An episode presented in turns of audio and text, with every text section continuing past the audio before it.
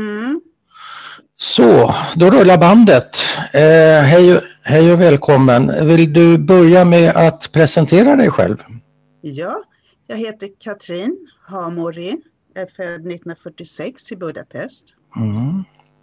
och jobbar som förlagsredaktör. Redaktör, ja. Mm. Och varför eh, vill du berätta din historia? Det är kanske en, en dum och näsvis fråga, men vi kan ju börja där. Eh, alltså mina föräldrars historia är lite annorlunda än de flesta, de här vi har hört så mycket om, de Mm. överlevande från koncentrationsläger. Mm. Deras historia är ja, inte likadan, den är annorlunda men ändå överlevare. Mm. Och du vill berätta den. Men du vill också berätta din egen historia antar jag, eftersom det här handlar ju om din historia. Ja, som är väldigt påverkad naturligtvis. Ja. Ja. Okej, ska vi börja med, med mammas och pappas historia då? Ja, vi kan börja med, tycker jag, 1998. Mm. För då av en slump fick jag reda på att det var sista året, sista möjligheten man kunde ha claims på ungerska staten. Ja, Man kunde få det som kallas för Wiedergutmachung. ja, Någon form av ekonomisk, ja, eller för, för det man har förlorat, mina föräldrars egendom. ja. Ersätt, ersättning, det är väl både eh, förlust av förmögenhet men det är kanske, eh, var det inte även psykiskt lidande eller var det bara? Ja, Jo, både och. Mm. Ja. Och då åker alltså min syster och jag för första gången sedan vi lämnade Ungern 1949 Ja, tillbaka eftersom båda våra föräldrar då hade dött. okej. Levde så kunde vi, ingen av oss åka tillbaka. Nej. Nej. Men vi åker alltså tillbaka för, och det gick en historia om att mammas släkts juveler och sådant hade murats in i kakelväggen på toaletten i det stora villa där de bodde. Ja. Och vi hade ett foto på mammas eh, barndomshem Mm. Och det var och en adress på baksidan på det här fotot. Ja. Så vi åker till Budapest, sätter oss i en taxi och tänker, men herregud, det här fotot 70 år gammalt, ja, Ja. Men vi, vi testar. Och så stannar taxin utanför det här huset som är på fotot. Han, hittar, han hittar dit alltså? Ja, ja, det var inga problem. Det var, ser precis likadant ut. Ja. Så vi knackar på. Efter en ganska lång stund så kommer en liten städerska ut, antar jag att det var. Mm. Och jag förklarar. Alltså jag pratar ungerska som en femåring. Men jag förklarar att det här var min mammas barndomshem och att vi vill komma in och titta. Och då stirrar hon på oss. Och så säger hon Jido, judar. Och smäller igen då. Så där, där liksom tror jag man kan förstå väldigt mycket av bakgrunden också. Eh, vi åker därifrån och åker hem igen, inte mer med det. Ja, vi fick ju så småningom någon, vad var det, jag kommer inte ihåg om det var 200 dollar eller 2000 dollar. Nej. Allting fanns i datorn där hos, och så vidare, men Ja. eh, pengarna gick till att betala advokaten som hade hjälpt oss. Ja. That's it. Jag kommer inte åka tillbaka till Ungern någonsin. Nej. Nej, Du vill inte vara med om det där mötet en gång till, antar jag? nej, jag vill inte det. Nej. Men ehm, ja, vi kan dra det snabbt. Mamma dog 1978. Hon blev Mm. alltså 64 år. Oj.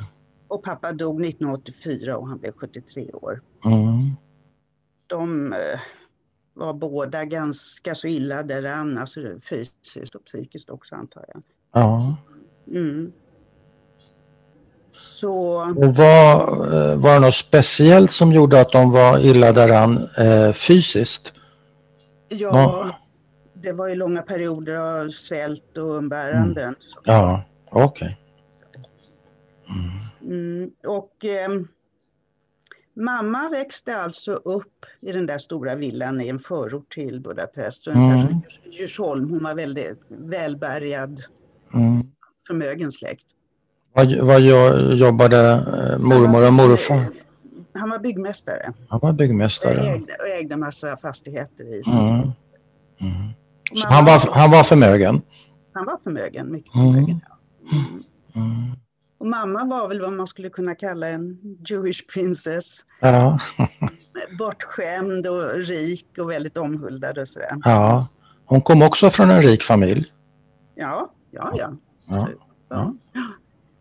Pappa var inte lika välbärgad så. Nej. Han, var- nej, eh, han var son till en, en som, hans, alltså min farfar köpte upp kreatur och så, Ja, alltså någon form av slakteriverksamhet. ja, ja. ja. Mm. Handel med boskap. Och var, var skedde det, var bodde de någonstans? I, i, Budapest. i Alltså också i Budapest? Ja, ja, okej. Så de var från samma stad men från olika klasser kan man säga då kanske? Kan man säga. Kan man Mm. säga. Ja. Men ingen av dem var religiösa Nej. på något sätt utan väldigt assimilerade som många judar i Budapest var. Ja, De var, tillhörde, vad ska man säga, de mer assimilerade grupperna. var det det som kallades för neolog eller var det en religiös inriktning? Vad sa du? En neolog tror jag det fanns någonting bland moderna eh, ungerska judar men det kanske var som en, en liberal inriktning av judendomen, jag vet inte. ja, jo det var det sannolikt. Ja, men det var, de var inte en del av, av det religiösa överhuvudtaget? Nej, det Nej. var de inte. De gifte sig alltså eh, 1939. vis- Och, och Oj, bröllopsfoto jag har så, så, så ser man då alltså tärnorna och alla de här Ja. Ingen är alltså religiös eller, nej, eller, eller något sånt. Nej, De är väldigt vackert uppklädda i ja. och smoking och allt sånt där. Men är det en borgerlig vigsel då med andra ord? Jag skulle tro det. Mm. Det finns, det, det alltså Inga-. Ja, Men det låter tjusigt. Men vet du någonting om hur de träffades? nej, det vet jag inte. Nej. Nej, jag vet inte. Hur gick det till eftersom de kom från olika... Jag bakgrund? Nej, nej. Vad spännande. de berättade överhuvudtaget väldigt lite. Mm. Så de gifter sig sommaren 1939. Ja, precis innan kriget. Precis, och reser Oj. på bröllopsresa till Jugoslavien. Mm. Och egentligen mamma har berättat att hon ville ju till Riviera men det tyckte pappa att det var lite för eh, överklassigt. Ja, Jugoslavien. ja okej. Det, kunde, det kunde pappa liksom ställa upp Ja, på. ja. Men en fråga bara innan, innan du går vidare. Eh, Det här, eh, den här föreningen mellan de två, pappa gifter ju upp sig lite grann och mamma Ja. gifter följaktligen ner sig lite grann. Eh, skapade det några reaktioner hos deras respektive föräldrar vad du vet? Jag vet inte, de har inte berättat så mycket Nej. om det. Men jag kan tänka mig, pappa var ju då eh, jurist. Okej, Ja, det man skulle säga, alltså man spådde honom en stor framtid. ja. Ja, Så det var inte så illa så. Nej, okej. nej. Han, inte, vi- var- han var inte förmögen på något inte, och inte fattig heller. Nej, men han nej. hade, ansågs ha en väldigt... Men han hade ett fint yrke, fint jobb Ja. så att säga, så kallat. Ja, vi noterar detta till protokollet. Mm. Okej, förlåt mig, jag avbröt dig. Ja, med, Medan de alltså är på bröllopsresa där i Ja. Jugoslavien Ja, så får pappa ett telegram från sin svärfar. Eh, Där det står att han har blivit mobiliserad, måste genast åka tillbaka. Alltså då har Hitler och Stalin slutit den här pakten, mm. 39, september 39. Mm. Och då bryter alltså kriget ut och han blir mobiliserad. Mm. Eh, sen vet jag inte så mycket. Vet du, vet du på vilket sätt han blev mobiliserad? För det fanns ju så kallade arbetssoldater. Det fanns ju riktiga alltså, soldater och de flesta judar fick ju inte bära vapen. precis. Hur blev det för pappa? alltså- jo, pappa vet jag att i juli 1942 Ja, så skickas de här så kallade judiska värnpliktiga som då har hållits i någon form av kasern någonstans Ja. i Budapest. De har levt ganska bra där, ja, alltså från 39 till 42. Men i juli 1942 så skickas de här judiska värnpliktiga Ja. just precis på tvångsarbetsläger i, Ja. i Ukraina. ja. Även pappa? Pappa blev det ja. Och Mm. även pappas bror, Mm. lillebror som då var 21 år. Mm.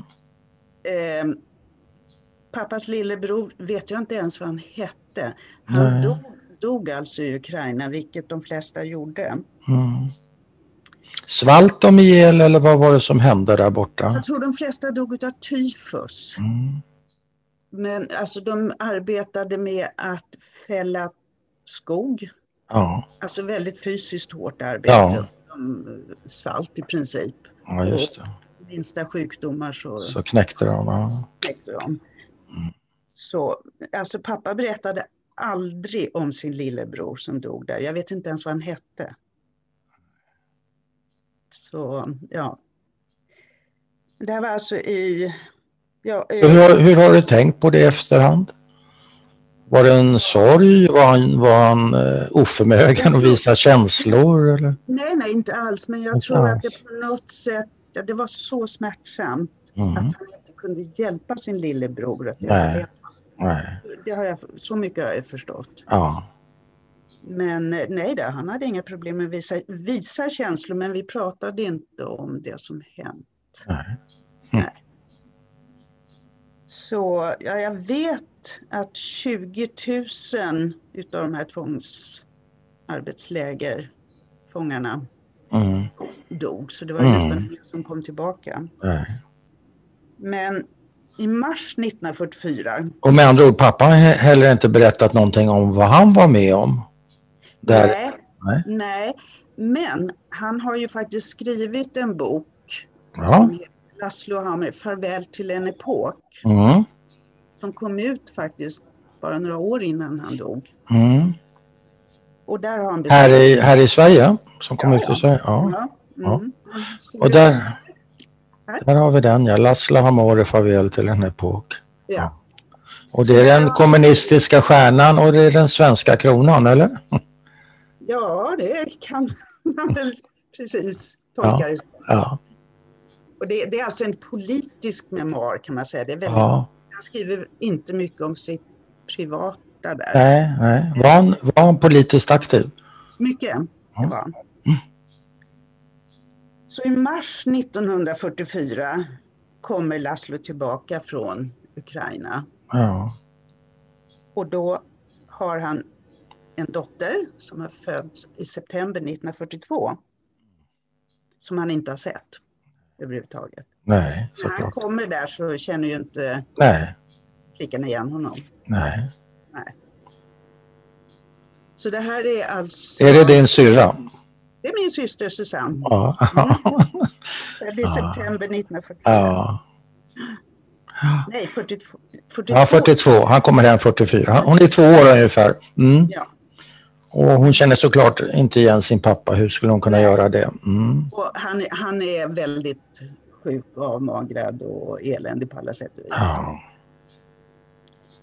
Eh, och ja, men den 10 april 1944 är pappa som då alltså har varit jurist på det här advokatkontoret. Mm. Och då får inte judar längre vara, ha yrken som advokat utan han får bli eh, vaktmästare.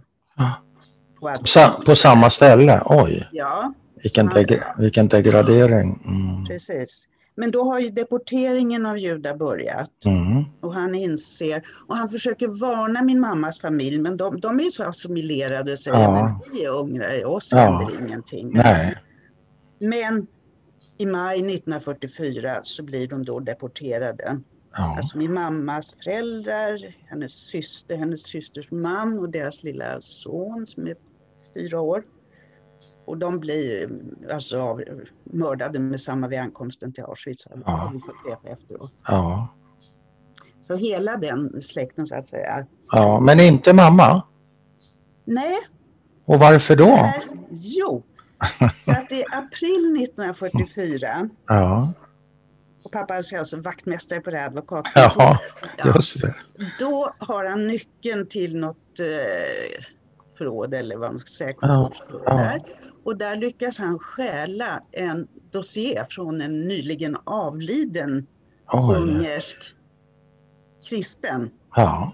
som passade precis i ålder och allt sånt där. Och där Mm. finns ju då allt som man begärde det här med stamtavla kan man väl säga bakåt. Mm. Att kristna i flera generationer och allt det där. Mm. Så han stjäl den dossiern och blir från att ha hetat Deje Salamon. Salamon är ett väldigt judiskt namn. Ja.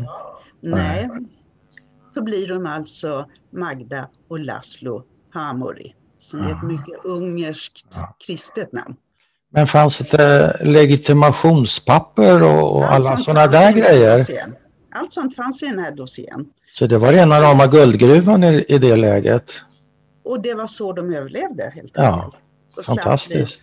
slapp alltså bli deporterade. Ja. Så då, så då lever de från alltså 1900, ja, våren 1944 blir det, Ja. hela tiden som kristna. ja. Men blir de aldrig angivna? För det måste ju finnas grannar som vet Ja, vad de gick för. Apropå men jude. Alltså, ja, men alltså pappa var ju ganska ljus, ljus eh, Ja, ja. och, och mamma blekte håret har jag förstått. Jaha. Och hade mörka glasögon när hon gick ut och sådär. Och, Aha. ja, Hon hade bruna ögon eller vad? ja, ja, ja, och svart hår. Ja. Det, mm. Och, Men- lilla, och, och lilla, och, lilla Och din syster? Susanne, hon Ja. var blond och blåögd. Ja, Så det okej. var ju jättebra. Det var ju bra. Men Ja. de råkade aldrig ut för några angivare eller någonting sånt där, grannar? Alltså, de gick ju i kyrkan på söndagen. Oj, Och ma- ja, som man skulle som god kristen. såklart. Och mamma gör korstecknet åt fel håll. Jaha. Men prästen kommer fram och lägger en hand på hennes axel och säger gå härifrån snabbt. Ni har blivit iakttagna, försvinn. Wow. wow. Så um, Så han, eh, han räddade dem i den situationen? absolut, ja. Och ja, men de här, de, pappa var väldigt, väldigt klok. Han visste precis liksom underkläder med monogram slängdes. De, köpte, de köpte ett eh, kors till lilla Susanne som hon fick om halsen. ja.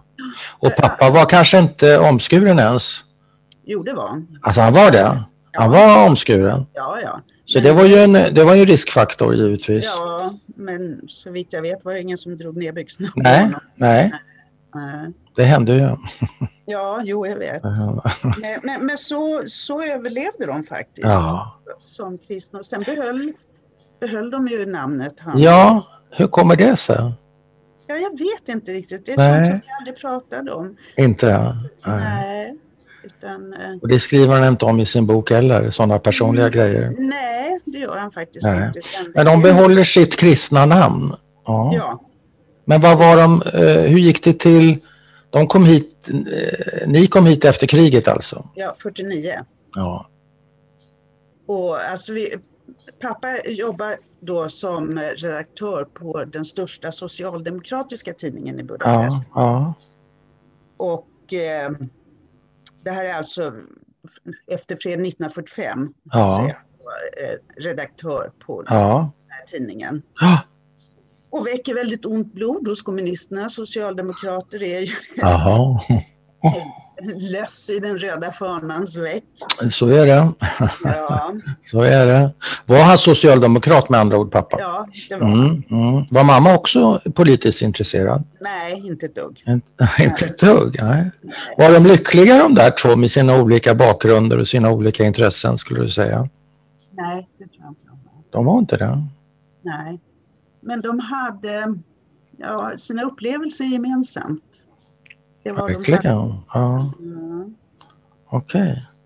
Nej, det var nog inget lyckligt äktenskap. Nej, okej. Men, men de var så att säga på något sätt fastbundna vid De var förbundna vid, av historien kan man säga, Ja, kanske. ja, Eller som kände, de kände det så i alla fall. jag tror de kände så. Ja. De kände så. Mm. Och de hade ju liksom bara varandra. Ja. Ja. Mm. Så att in, ingen släkt, ingen... ingen Nej, startar man ett nytt liv i Sverige. Men innan dess då så är han den där lusen, en, av, en, en lus bland andra löss i fanans väck. Eller, ja. Eh, och det gillar inte kommunisterna, de nya makthavarna. Så vad händer där då? då han, Laszlo Reich, som då var utrikesminister tror jag, eller om han mm. var inrikesminister var han i Budapest. Ja, ja. Han eh, säger då att, det, att Laszlo ska ja. hänga sig en, få en snara om halsen. Oj. Ja, i, offentligt Offent? i, radio, i, i, radio går han ut med det här. Mm. Så, och då sommaren 1948 så lämnar pappa och mamma och min syster och lilla jag som då är född. Då är du född, ja. ja då lämnar vi alltså Budapest ja. och kommer till Schweiz. Är det, är det en flykt eller en ordnad reträtt eller vad ska man? Ordnad, ganska ordnad reträtt. Ja, ja. Så till Schweiz, ja. ja. Men, men alltså... Och det var inga problem att ta, för Ungern var ju ändå kommunistisk så det, man gjorde väl inte riktigt nej, som man ville? Nej, jag vet inte hur de har det här riktigt. Nej. Men på något sätt. Så Men de tog sig ut, ja. De tog sig ut. Ja och hamnar alltså i Zürich 1948. Mm. Mm. Och där eh, så bor de på ett pensionat där man inte får ha barn. Så min, syster jag, min syster och jag hamnar hos eh, fosterföräldrar Oj. i Schweiz. Oj. Och det blir mitt första språk, schweizertyska. Jag lär mig det. När jag börjar prata så pratar jag schweizertyska. Ja, ja. Jag är alltså två, tre år. Ja. Men under det här året så rusar mamma och pappa omkring på alla olika konsulat och ambassader för ja. att få inresetillstånd, visum någonstans. Mm. Helst då till USA, som de flesta vill. Ja. Och långt senare så har, har man fått veta att alla de här visumansökningarna på alltså amerikanska ambassaden eller konsulatet, de hamnade i papperskorgen direkt. De tittade inte ens på dem. De ville inte ha några judar in där. Nej. Nej. Och det är ändå 49 alltså? Ja. Eller 48, 48, 48. 49. Mm. Så, och de kutar runt, ägnar, ja. ägnar dagarna åt att stå i kö på olika konsulat och så vidare. Ja. Har de fått med sig pengar då så att de kan leva på det eller hur fixar de det ja. ekonomiskt? Ja, de har, lite, har fått med sig, de har ju sålt, mamma har väl sålt sin diamantring och lite sånt där. Ja, okej. Okay. Ja. Så de har lite cash? Mm. Lite cash har de med sig. Och pappa, jag jobbade ju på tidningen så han hade väl lön antar jag. Ja, ja. Mm. Lite pengar med sig. Mm. mm. Men eh, efter ett tag så får de alltså visum till Sverige. Mm tack vare socialdemokrater i Sverige. Pappa hade väl någon form av kontakter. Mm. Eller jag vet att han hade det. Ja. Med Per Åsbrink. Ja. Då var, som då var riksdagsman för Socialdemokraterna. Mm. Så den här Per Åsbrink ordnar med någon sorts, vad ska man säga, lejdbrev så att vi kommer in i Sverige. Ja. 1949. Hur tar ni er till Sverige? Minns du det? Tåg. Eller vet du det? Tåg? Minns du någonting av den resan? Jag minns eh, att vi kliver av tåget i Köpenhamn. Ja. och, och, står på torget där. Det, ja. det minns jag. Ja. Det är ett av liksom första minnena egentligen som mm. kommer på. På rådhusplats, är det på Rådhusplatsen? Ja, eller? Ja. Ja. och så minns jag tåget från, eh, från Malmö då, när, mm. att vi står i kö där och ska visa våra papp, inresevisum som är ja. Jättestora papper med massa stämplar på. Ja. Mm. Och det kommer jag ihåg. Och, och att eh, de var väldigt snälla där vid gränskontrollen. Ja, ja. Farbröder. Ja. I uniform. Jag var väldigt rädd för uniformer överhuvudtaget. Men där, de var snälla. Mm. Hade du blivit skrämd av, av någon uniform? Ja, du vet, ja. ja. Du var det bara? Ja. Men det här var snälla uniformer, ja. Ja, var snälla människor. Ja, ja snälla människor. Och de pratade tyska tydligen. Pappa pratade mm. ju tyska med dem. Så mm. till slut så fick vi inresetillstånd. Ja. Och kommer till Stockholm. Mm. Och där bor de återigen då på något De har ju ingenstans att ta vägen. Nej. Men de får bo på något pensionat i Gamla stan. Ja. Och där fick man inte heller ha barn. Nej. Så min syster och jag hamnade på barnhem i Nykvarn. Ja. En minns- Nykvarn, är det Södertälje eller vad är ja, Nykvarn? ja. Någonstans. Och vad vet du om det där barnhemmet? Jag har sett det finns foton därifrån. Ja. Jag, jag har minnesbilder därifrån. Ja. Det, är en stor brun villa med en stor gräs, grösplan framför. Där finns det en Ja. stor hund som vaktar som jag blev väldigt förtjust i. Ja, ja. Ja, Men, det är de första tydliga minnena. ja. Mm. Och minns du din sinnesstämning och syrrans? Var ni glada, ledsna, oroliga, ingenting? minns du något av det? Nej. Nej, jag minns att jag, jag var inte så gammal, jag kissade Nej. på nätterna. Ja. Och då blev de här sköterskorna som hade uniformer faktiskt, för jag tror de var Ja. Röda Kors-systrar eller något sånt. Ja. Gråa uniformer med stora vita förkläden. ja, just det. Mm. Det låter bekant. Och de blev väldigt arga. Oj då. Tyckte att jag var för gammal för att kissa på mig. Och då, så säger min syster, ja men det var inte hon, det var jag, det var jag. så hon var väldigt beskyddande. Ja. Ja, och, och, och, Hur gamla är ni nu då? Är du två eller tre? jag är nästan fyra Du är nästan fyra och hon är sex eller? och min syster är sju. Sju. Och nästan åtta. Ja, ja, okej. Ja. Och, Vi pratar alltså tyska med varandra, min syster och jag. Ja. Till att börja med. Men vi Ja. lär oss svenska väldigt fort. ja, okej. Jag tror att det där, Du måste ha lätt för språk. Du plockar upp schweizerdeutsch och Ja, du plockar upp ja. svenska och så vidare. Ja. Men mina föräldrar fick ju komma på besök ibland. ja. ja. Men så småningom, Vad, minns du, vad minns du av de besöken? Var det, ja, det var väldigt roligt. det var roligt? Ja. Ja, ja, det var... Jag minns överhuvudtaget liksom den här känslan av att, att vi blev bortlämnade så att säga. Ja, Det var på grund av kärlek helt enkelt. De var tvungna, inte för att de ville. nej. Så att, eh, jag tror inte att jag blivit skadad på det sättet. Och det, inte på det sättet. Nej, vi kan, vi kan komma till andra sätt sen. Men eh, menar du att du också kände det som, som liten tjej? Att det här, Mm, det finns en kärlekshandling bakom Ja, det hela? Ja. ja, ja. Så det, Det betvivlade jag liksom aldrig. nej. De lämnade bort oss för att de, nej, utan jag visste att de var tvungna.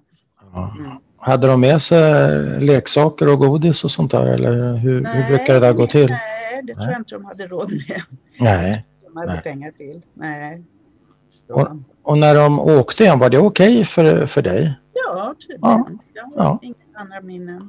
Inga traumatiska, eh, Nej. inget trauma på grund Nej. av, av? Nej. Nej. Mm. Och vet du hur länge ni var där? Nej, jag vet inte Nej. det. För ett litet barn jag har, har man ju Nej. inte förhoppning. Nej. Jag vet faktiskt inte. Jag förstår. Men eh, det kan ju röra sig om ett par månader, ett halvår kanske. Och till slut så vet jag då att Per Åsbrink, återigen vår stora välgörare, hade ordnat en lägenhet i Hammarby Ja. till oss. Mm. Och pappa fick jobb på arbetarrörelsens arkiv. Han Ja. arkivarbetare, fly, flyttar eh, böcker, ja. arkiverar papper. Ja, så. Han Det var inte- på Norra Bantorget på den tiden tror jag. ja, Kanske. ja. Jag Det, inte. det låg där i alla fall ett tag. Ja, ja. Mm. Så där, fick, där blev han arkivarie eller? Precis, Ja. precis. Han behövde inte kunna språket. Så, Nej. så det, mm. Mm. så, och, och, jag tror det var en, en tvårummare eller något sånt Mm. i Hammarby. Det, Var, den, var den ny då förhållandevis den lägenheten? var, ja, jag tror det. Mm. Jag tror att det var en ganska nybyggt. Så det, det minns jag. Hur, alltså har jag synminnen, jag minns hur det Ja. såg ut. Ja, minns du någon känsla när du kom in där? Ja. Känslan av frihet, att kunna gå ut och leka och Ja, just det. vara ute. Man lekte på gatan. Och, Ja, just det. ja. Men var det möblerat och sådär när ni flyttade in? Jag vet att Per Åsbrink, som tydligen, han bodde nog där också med sin familj. Ah, Att jag har minne av att man bär möbler från hans lägenhet. ja, Ja. Fantastiskt. Ja, men han var helt fantastisk verkligen. Fantastiskt. Hjälpte till. Mm. Och mamma, var hon så kallad hemmafru eller var... Hon var hemmafru då. Ja. Ja. Ja. Mm. Jag har ingen minne av vad vi... Nej, Är det här 1905? Var... det är någonting. Ja, 1950 någonting. ja. Okej. Mm. Så nu börjar livet om på nytt eller, eller hur man ska... Ja. Kan man Ja. säga så? Ja, det kan man. Mm. Jag vet inte hur länge vi bor i Hammarby, så småningom så ordnar Per Åsbrink igen Okej. eh, att vi får köpa ett radhus på Lidingö. Ja. Vi får inte köpa för vi var inte svenska medborgare och svenska medborgare fick inte köpa fastigheter. Om man inte var svensk medborgare. Nej, det var ett, ett eh, krav. Det, ja, just det. Ja. Utan det köptes via en bulvan. Ja. Tant, tant Märta Ja, köpte. Hon köpte radhuset. Hon köpte radhuset och, Ja. och varje månad så promenerade vi till tant Märta med ett kuvert med pengar. Ja. Så, mm. Var, det, var det för lån, banklånet eller vad var, det, vad var det för pengar? Det måste det ha Var det, räm, var det räntan som skulle betalas? som För, skulle för betalas. eh, hon, hon tog lånet, det kunde inte dina föräldrar ta. Nej, nej, Nej. Eftersom de inte ägde någon fastighet. Nej. Ja, just det. Så, så det var ju liksom många människor som Ja, ställde upp faktiskt. ja. Jag har inget minne av judiska församlingen i Stockholm. Nej, Direkt. nej. jag inte. Men kommer du ihåg, vet du var på Lidingö det här radhuset ligger? Om det Ja, finns kvar? Oh ja, jag växte ju upp där. Ja, Norra var Lidingö. på norra? Mm. Och det, är, det blev ju sen det här radhuset, det är Sveriges första radhus och det blev kulturhus. Ja, ja. Mm. Det är de ja, vid- Kyrkviken. De är ju Precis. numera berömda. Ja, Vad minns du av, av den eh, Alltså, det- flytten och hur det var? För det var ju något helt annat än Hammarbyhöjden får man ju säga. ja, ja. ja. Mm. Nej, det här var ju liksom paradiset verkligen. Det var ju Ja. rena det var ju landet på den tiden. Ja. Kor ute och beta på ängen. Aha. Mm. Så det var en väldigt harmonisk uppväxt. Och min syster började då i skolan med samma. Ja, Lär sig svenska jättefort. jaha. Mm. Och jag fick följa med henne till, när mamma hade ärenden. De hade ofta ärenden in till stan. Ja, Dels för att de måste till polisen och lämna er rapporter varje månad tror jag. ja, ja. Och, ja, och, och pappa skrev alltså artiklar för Stockholmstidningen tror jag det var som Mm. fanns då, Mm. i Klara kvarteren. Mm. Eh, och där var det någon utrikesredaktör, jag har kollat upp det, han heter Yngve Lundberg, Mm. som köpte pappas artiklar Ja, och inte alltid publicerade dem. Så det var som ett sätt, ja.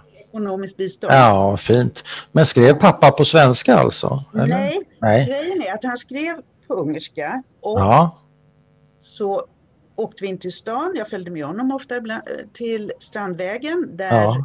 eh, en diplomat och översättare som heter Kalman de Pandi ja, bodde. jaha. De översatte pappa, utan han gick in i ett annat rum, pappa och jag fick vänta. Så gick han in och så översatte han knatte, knatte, knatte på maskinen. Och Ja. kom tillbaks efter någon timme och hade översatt artikeln till svenska. Till svenska, okej.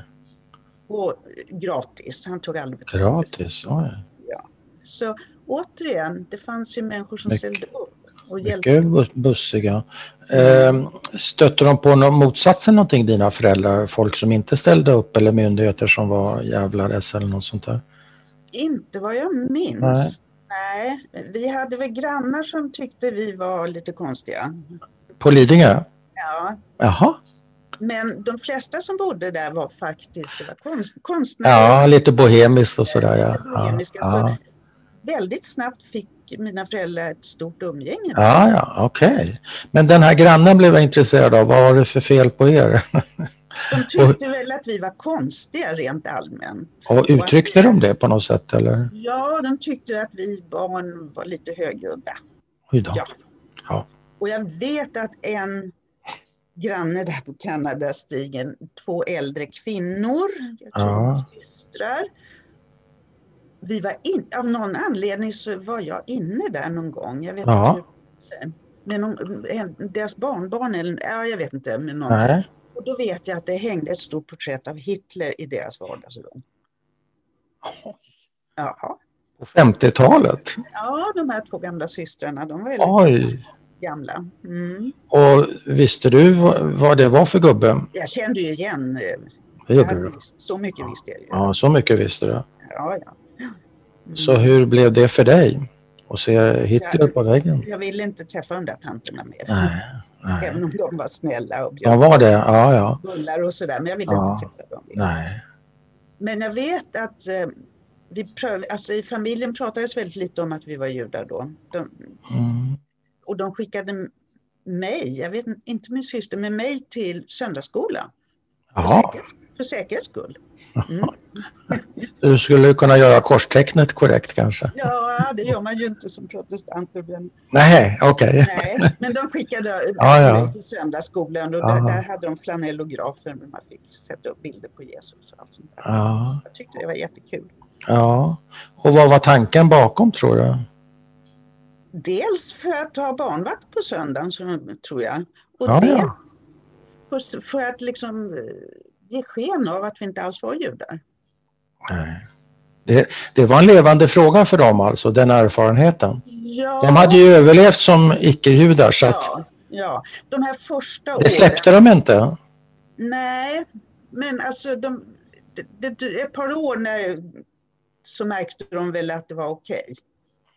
Så. Men inte med... Nej, de inte i början de nej, första åren. nej. då var de fortfarande rädda. Ja. Och du tyckte det var kul med flanellografen och Ja, ja. Jesus och så. Ja. Men växte du upp som, vad då? Kristen, jude, vad var det? Nej, nej, det här var bara de första åren. Så småningom så släppte de allt det där och Ja, eh, blev så att säga judar på riktigt. okej. Ja, och då fick jag veta det också. Ja. Hur gammal är du då? Jag har väl börjat i skolan precis tror jag. Ja. Mm. Sju, sju, åtta. Mm. Ja. Men att de behåller sitt namn, har det någonting med Ja. den här problematiken att göra? Att, man, att det var ett, ett bättre namn att ha utifall att? Ja, jag tror Om du det. förstår vad jag menar? Ja, ja, ja, jag tror det. Mm. Salamon är ju inte, det, det, det identifierar ju alla med samma. Ja.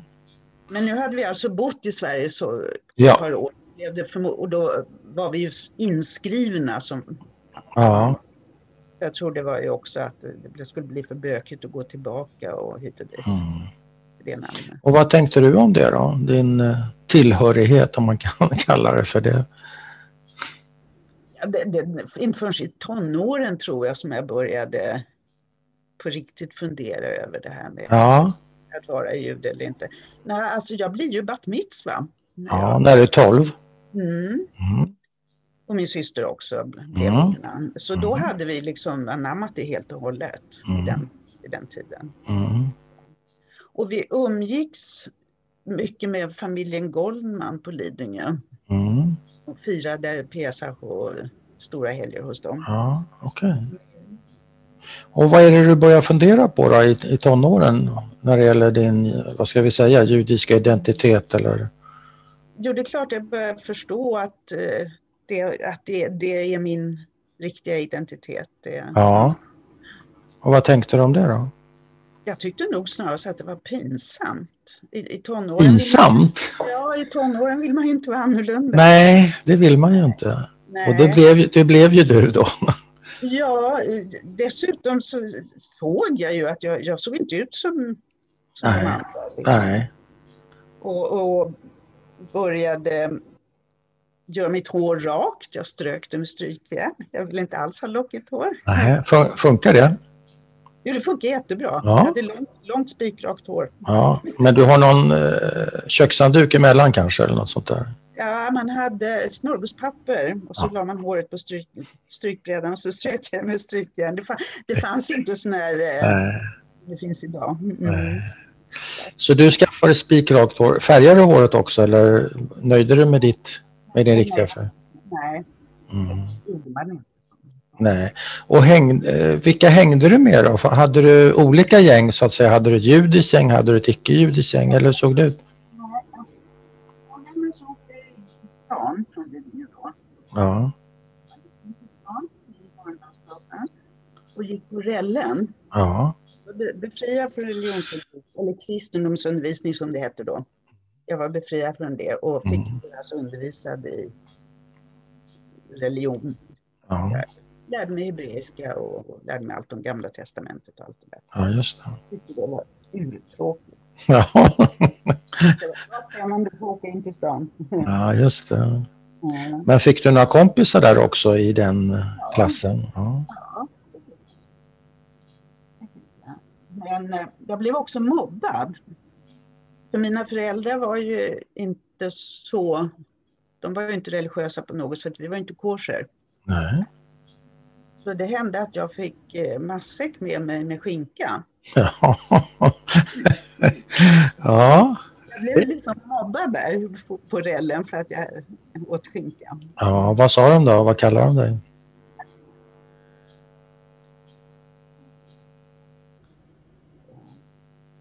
Nu, nu hörde jag inte det sista för ljudet försvinner. En gång till. Jag kommer inte ihåg vad Nej. de sa. Jag minns bara att de var otrevliga. Ja, dina klasskamrater. Ja, på rällen. Ja, på rällen. För att du hade med dig en skinkmacka. Ja. Sen blev vi skickade till Glämsta också Ja, en sommar. Där blev vi också mobbade för att vi inte var kosher och inte visste någonting egentligen. Och sådär. nej. Så där, där åkte, det var bara den sommaren, aldrig mer. Så. Du vill inte åka någon mer. Och hur reagerar du då? Eh, Biter du ifrån eller blir du ledsen eller tar du bara, håller inom dig?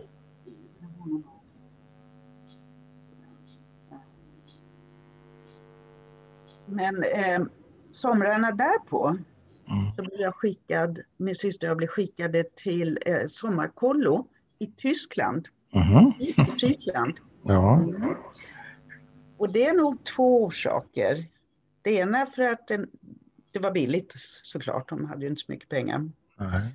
Och det andra har jag förstått efteråt att de ville att vi inte skulle hata tyskar. Och vice versa. Mm. Och det är ju ganska, vad ska man säga, det, det är ju en väldigt vacker tanke att de skickar Mm. ett tyskt sommarläger. Där jag träffar tyska ungdomar, Ja, blir förälskad och jaha. sitter och sjunger tyska lieder på kvällarna vid Ja. brasan. Och jag, kan, Ja. jag kan fortfarande de här sångerna på tyska. Hur gammal är du då när du åker? Då, är jag, då har jag alltså blivit på mitt och sånt där. Då är jag 13, 14. Ja. Mm. Men var det, ett, eh, var det ett läger med särskild politisk inriktning? Jag tänker på pappas socialdemokratiska inriktning. Ja, Var det något sånt? Ja, jag har fått, jag har kollat upp det där. Det var en kvinna som hette Paulsen Ja. som var gift med en tysk motståndsman som blev Mm. avrättad. Och hon ärvde då den här ön. Mm. Det bara en liten ö mitt i Ja. Ja. Där upprättar hon ett internationellt Ja. läger för barn. Ja. Men det var bara tyska och så min syster och jag. Jaha. Men kunde du tyska när du åkte dit? Ja, då. Det var så här att hemma pratade, mamma och pappa pratade ungerska med varandra Ja. såklart. Och jag lyssnade, jag, jag förstår ungerska till 100 procent. Ja. Men jag pratade inte. Nej. De kunde prata på ungerska med mig, men jag svarade på svenska. Mm. Och hela familjen tillsammans vid matbordet pratade vi tyska. Okej. Och min syster och jag pratade svenska med varandra. Ja, så det var tre. Mm. Okej, så, det, så det där blev, var det en sommar eller två somrar som du var på? flera somrar. Flera somrar, så det blev eh, fina upplevelser. Oh, ja. Till skillnad från Glämsta och Rällen, det var inte lika positivt. Nej. Men jag sa det, Stalin Syderå, som det heter. Ja. Men eh, vad tänker du om det att, att eh, det var så, vad ska vi kalla det för, lågt i tak i, inom församlingen och sådär. Och du sa tidigare också att eh, jag, jag har ingen minne av att vi hade något med församlingen, församlingen att göra. Det, det verkar ha varit långt bort i din familj. Ja, det tar ju många, många år tills pappa blir eh, aktiv i församlingen. Han blev redaktör på tidningen Judisk krönika. också. Aha. Mm. Och ålderns höst så att säga. Ja. Men innan dess så har han alltså jobbat som journalist, bland annat på Svenska Dagbladet Ja. och skriver understreckare. Ja. I, alltså det är det de försörjer familjen på. Ja, just det. Men alltså han skriver ju inte speciellt bra svenska. Han, Nej. utan där sitter jag redan som nioåring faktiskt vet jag. Jag sitter och eh, korrigerar hans Oj. Ja, ja. Du redigerar hans texter, kan man säga. Fick du betalt för det någon gång? Fick du betalt för det någon gång, sa jag. Mm. Det här med att jobba med texter har jag faktiskt gjort sedan jag var nio år. Ja, det har du gjort. Fantastiskt. Men eh, fanns det någon besvikelse eller bitterhet hos dina föräldrar mot församlingen? Nej, jag tror inte det. Nej. Eftersom de inte var religiösa. eller Nej. var- De brydde sig. Nej. Först långt senare, på, när de blev äldre så att säga, så var Ja. de mer vi intresserade. ja. Eh, Hur gammal är du när du börjar ställa lite mer frågor om deras bakgrunder och sådär? Kom, kommer ni till den punkten? Nej, vi gör inte det. Ni gör aldrig det? Nej, Du ställer dem aldrig till svars? Nej. det var, vi För att, de, för att de inte berättar någonting? Nej. Mamma låste ofta in sig på sitt rum och grät. Och det, det var liksom ingenting vi pratade om. Nej. Mm. Hon hade ju förlorat hela sin... Ja. eh, Hur ofta händer det? Att de låser in sig och gråter? jag kan inte säga hur ofta, men vet att det händer. Det händer? Ja. Ja, ja. Mm. Och det är klart en person som gråter kanske man inte trycker upp mot väggen och vill ha besked om. Men pappa kanske var lättare att, att ge sig på som en ny.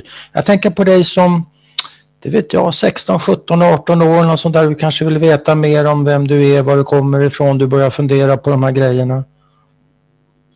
Nej, faktiskt inte. Nej. Nej. Det, jag tyckte snarare liksom att det där med U- Ungern, det var på något sätt... eh, Ja. Så, vad, vad, vad var det för något sa du? det var ingenting jag ville... Nej. Alltså jag har, överhuvudtaget så har vi fått höra det där med Ungern. Ja, Vi är inte ungrare, vi är judar. Ungrarna Ja. har, har så att säga slängt ut oss. det är riktigt. Ja. Och det, det fanns alltså en väldigt stark negativ känsla om landet Ungern. Ja, Vill inte ha, och det här med att de här ungrarna alltså som sen åkte tillbaka till Ungern när de blev svenska medborgare. Så när de, mina föräldrar föraktade dem. Vad ska ni där och göra liksom? Ja. Men här fick ni ju höra att ni inte är några riktiga judar å andra sidan av andra judar. Så att, vad, vad, gjorde du av allt det där? Du var inte ungrare, du var jude, så kommer du hit. Ja, men här är du inte riktig jude, här är du skink, skinkjude. Hur blev det? Jag tror, jag tror, eh, jag tror att det är att känslan för den här lilla, lilla familjen, oss fyra, liksom blev Ja, oerhört stark. Väldigt Ja. Bindning till mm. familjen. Det blev tajt, en tajt enhet. Ja. stark. Var det bra för dig? Ja, det var det. Ja, Det tror jag. Ja, absolut. Så. Men vi hade, jag växte ju upp med att inte ha några släktingar. Jag hade ingen mormor, farmor, eh, kusiner, nej, sånt som alla andra hade. nej. Var det, var det något du önskade dig? Ja, det hade vi såklart. Mm. Och det, fanns ing, det fanns inga du kunde låna in då från grannskapet? Jo, alltså vi hade ju ett väldigt, mina föräldrar hade ett väldigt stort umgänge. Ja, ja, På den tiden så var det många personligheter som anammade de här flyktingarna. Eller så ja, ja, det var ju, om man ville vara anständig så gjorde man ju det. ja, precis. Mm. Återigen, Åsbrink då som hjälpte oss. Ja, Men också författare som Ville Moberg och ja, sådana. Bo Zetterlind, han var lite förälskad i min mamma vet jag. jaha, okej. Ja. Var det besvarat? Nej, det tror jag inte. Jag minns att han, han såg ut som en jättebebis. Men eh, fattar jag dig rätt om jag påstår att du aldrig gjorde något så kallat tonårsuppror, eller gjorde du det? Nej, det gjorde jag inte. Du gjorde inte det?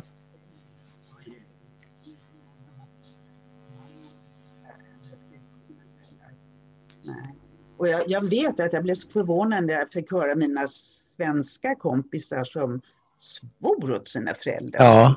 ja. Jävla morsan och så. Ja. Hjälp, så får man inte göra. Nej. Men eh, hur tänker du på det då? Fanns det inte utrymme för något tonårsuppror eller, eller passar det inte dig helt enkelt eller vad? Det passar inte mig och det fanns inte Nej, okej. Okay. Jag hade ingen anledning för de var så otroligt toleranta. Jag tyckte ja. allt jag gjorde var toppen. Ja. så du vill inte äventyra den, den relationen? Och du hade inget behov av det? Nej. Nej. Nej. Hur skulle du säga Eh, det, du har ju ändå varit med om ett antal dramatiska förändringar i ditt liv som väldigt liten, eh, kanske svåra till och med, skulle man kunna säga. Eller, det beror ju på, det verkar inte ha landat. Det är det jag vill fråga dig. De, alla de här dramatiska och för mig svåra förändringarna som du fick uppleva vid väldigt unga år, plus att du har en mamma som går in och gråter för sig själv eh, lite då och då. Eh, det verkar inte ha landat i dig som något trauma. Men jag kanske har fel. Jo, det är klart det har gjort. Det har det mm. Mm. Hur? Att det här med familj har varit så otroligt viktigt. Mm. Det, har, det har varit, och, och, hemmet och familjen har varit allt liksom. Mm. Så. Mm. Men är det ett trauma? Ja, det blir ett trauma när äktenskapet inte längre fungerar såklart. Jaha, när hände det? Ja, ja. ja. Mm, efter ett väldigt långt äktenskap. Ja. Mm. Vad pratar vi om nu? Nu hänger jag inte riktigt med. Vems skilsmässa snackar du om? Min skilsmässa. Ja, tack. Din skilsmässa. Jag förstår. Då, då kommer, då känner du av... Då, då känner jag av det här. Att jag stannar i ett dåligt äktenskap handlar ju om att det var liksom det enda jag hade. Ja, det. Jag, har ju, jag har ju ingenting annat. Nej, ungefär som den, man känner bara den enda barndom man har så kan man säga att man i någon mening bara vet om det äktenskap man har. Jag förstår. Ja. Mm. Men blev, var det, eh, om jag får vara lite nyfiken, var det trauma fram till skilsmässan eller var det trauma efter skilsmässan om du förstår vad jag menar? Nej. Det borde jag ha gjort. Ja. Men, men, det var ju liksom det enda jag hade. Ja, det var det. Det, det här med familj, det var ju, det var ju allt. Liksom. Det var allt. Ja. Så att så har du påverkat så att säga mm. först i ditt eget vuxna liv kan man säga. Mm. Ja. Och, och också det här tror jag med att, som jag har förstått nu, det här med att jag har så svårt med avsked. Jag menar, när någon går ut så vet man ju aldrig om de kommer tillbaka. Det är ju sant. Tänker du så? Ja, faktiskt. Ja, i väldigt hög grad. Ja. Du vet aldrig om de kommer tillbaka. Gud så jobbigt. Ja. ja. Mm. Lite katastrofbenägen så. Ja. ja. Men man kan väl säga att det positiva som det här har haft med sig, de upplevelser jag har gjort, det är att jag har fått ett sånt här otroligt intresse och kunskaper om hur språk fungerar. Och hur det inte fungerar. Så att, um, att jag har sysslat med for, alltså uttrycksspråk i ja. mitt liv, det, det, är inte en slump. Nej, men när du säger inte fungerar, du menar det är när det är illa skrivet, är det att det inte fungerar då? Eller vad är det? Vad är det som gör att människor inte kan uttrycka sig? Mm. Hjälpa dem att göra det. Mm. Att hitta orden och uttrycken. Mm. Och att jag är väldigt, väldigt medveten om nyanser som, som om man har haft svenska som första språk så att säga. Just det. Så kommer det automatiskt, men för mig har det inte gjort det. Nej. Utan jag har fått lära mig det. Och vartenda ord har jag fått liksom fundera över. Mm. Mm. Jag minns än idag hur jag lär mig svenska. Som Jaså? Ja. Hur, hur gick det till? Eftersom jag hade tyska som första språk Ja. så minns jag att ordet arsle Ja. var ju väldigt intressant för det påminde om Aschenbecher. Jaha. Ja, okej. Gammal svenska. Ja, arsle. Var det det första svenska ord du lärde dig? Det är det jag minns. Och vem, och vem var din lärare i så fall? De andra barnen som Ja, såklart. Ja. Så du försöker se positivt och negativt på, på dina, ditt trauma eller dina trauman, hur man nu uttrycker saken. Att det finns plus och minus. Mm. Uh, ja. Men, men, men jag vill verkligen poängtera att jag fick, alltså mina föräldrar var väldigt kärleksfulla. Det har framgått. Ja, jag har ju förstått av andra sådana här som har upplevt trauman att de har blivit väldigt elaka mot sina barn och tagit ut Ja, och så vidare. Men det, det är absolut inte. inte så, nej. Nej, Skönt. Mm. Vad fint. Eh, vill du lägga till någonting? Ja, nej, jag, kanske det här med att vi hade turen att komma till Sverige i ett klimat där person, alltså stora kulturpersonligheter ställde upp för oss flyktingar, både ekonomiskt och på alla möjliga sätt. Till skillnad från idag faktiskt. Ja, till skillnad från idag. Ja, Väldig skillnad från idag, ja. helt Ja. enkelt. Att, att det på något sätt var självklart för Vilhelm Moberg och ja, alla de här, Ja, och familjen Åsbrink inte minst. De, Nej. Ska ha en eloge för det här. ja, ja fantastiskt. Utan dem så hade vi inte kunnat komma till Sverige överhuvudtaget. Nej, precis. Och, och rent ekonomiskt också. Mm, mm. Det Till, är skillnad, fint att höra. till skillnad från eh, judiska församlingen, som då hette Mosaiska församlingen, Ja, som inte hjälpte oss, vad jag kan minnas speciellt. nej, vi fick inget stöd därifrån. Nej. Nej, Sökte, sökte pappa och mamma något då? Det tror jag inte. Nej. Det, det var inte det Det första är, de... det är svårt att få något om man inte söker något kanske. Vi, vi, vi skrev in oss som medlemmar. Ja, jag förstår. Ja, men det blev inte en bra kontakt hela den... eh, Det blev en, ingen alls. Nej, det blev ingen alls. Ja, men jag tänker på Rällen och jag tänker på Glämsta. Det hänger ju ihop lite grann. Det blev inte så positivt för dig och för er kanske. Nej, vi, vi som kom från Ungern, vi var inte speciellt väl sedda Nähä, som judar. Nej. nej. För, ni var inte, för att ni inte var riktiga judar eller vad? Ni var inte religiösa. Nej, Så polska judar stod högre i, i kurs och tyska såklart. Ja, men de polska judarna kom... Vad sa du? Nej, nej de kom... De, Överlevde, de få som överlevde, de kom 68.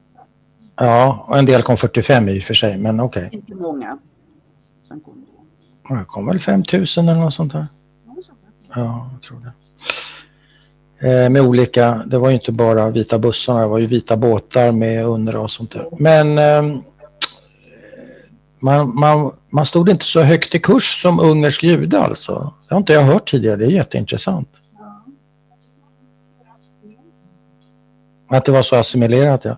Men det ska ju inte, ska ju inte vi svenska judar ha några synpunkter på som har varit assimilerade sedan 1700-talet. Nej.